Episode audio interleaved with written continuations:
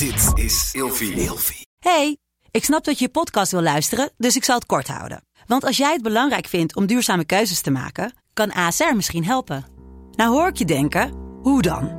Nou, bijvoorbeeld bij het duurzaam herstellen van schade. Of de premies die we beleggen volgens ons duurzaam beleggingsbeleid. Dat bepaalt waar we wel en juist niet in investeren.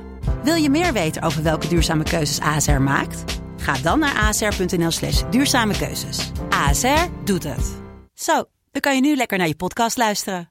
Vroeger. Meneer de Munnik, we bespreken deze week het onderwerp complottheorieën. En in deze aflevering hebben we altijd een verhaal in de categorie Wist je dat? We gaan het hebben over de vijf elementen die moraalwetenschapper Brecht de Koen onderscheidt binnen complottheorieën. Ja, de Koenen. De Koenen. Ja, de, de Koen vind ik ook wel kl- klinkt als een soort schurk. Ik vind het wel goed klinken. Koen. De Koen. Waar komt hij vandaan? Ja, ehm, dit is gewoon natuurlijk gewoon Brecht de Koenen. Klinkt gewoon best wel eh, Hollands. Hollands, ja, of Belgisch. Waar komt hij vandaan? Geen idee. Goed verhaal. Ja. Ga door. Een com- complottheorie gaat eigenlijk altijd uit van grootschalig bedrog met kwaadaardige opzet. Dus je weet van tevoren al dat het niet klopt. Eh, jij wil iets wil je gelijk halen.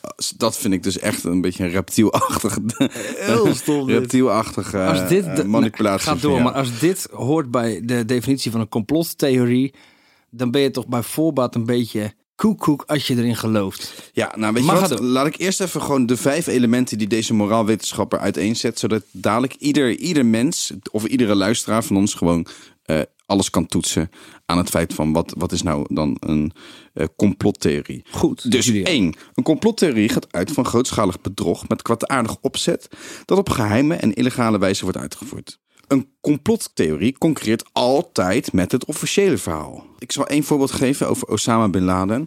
Eh, Er wordt gezegd dat Osama Bin Laden dus al een tijdje dood is. En dat dus heel die aanval op zijn compound en wat die Navy allemaal hebben gedaan, dat het allemaal bullshit is. Oké, drie. Een complottheorie veronderstelt dat de vermeende samensweerders hypercompetent zijn.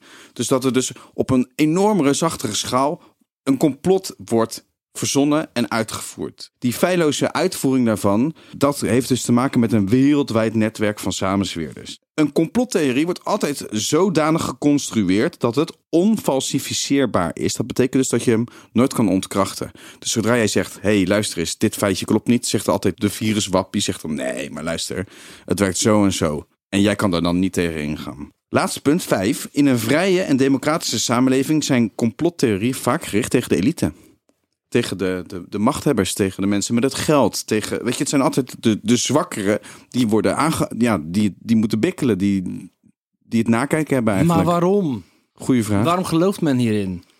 Complottheorie, ik, weet je, op een gegeven moment ging Tupac dood. En toen hoorde ik, hij zit samen met Notorious B.I.G. samen op een eiland te chillen. Want ze hebben de record labels in handen. Dat was ook een hele theorie Ja, hoe ze ja. het allemaal gingen doen. Weet je, het is een heel klein complottheorietje. Dat was toch meer de hoop van de fans dat het zo werkte. Dus komen, komen complottheorieën niet vaak voort uit een stukje hoop? Ja, of een stukje mythologie ook. Toch weer. Jazeker. Tot morgen. Vroeger.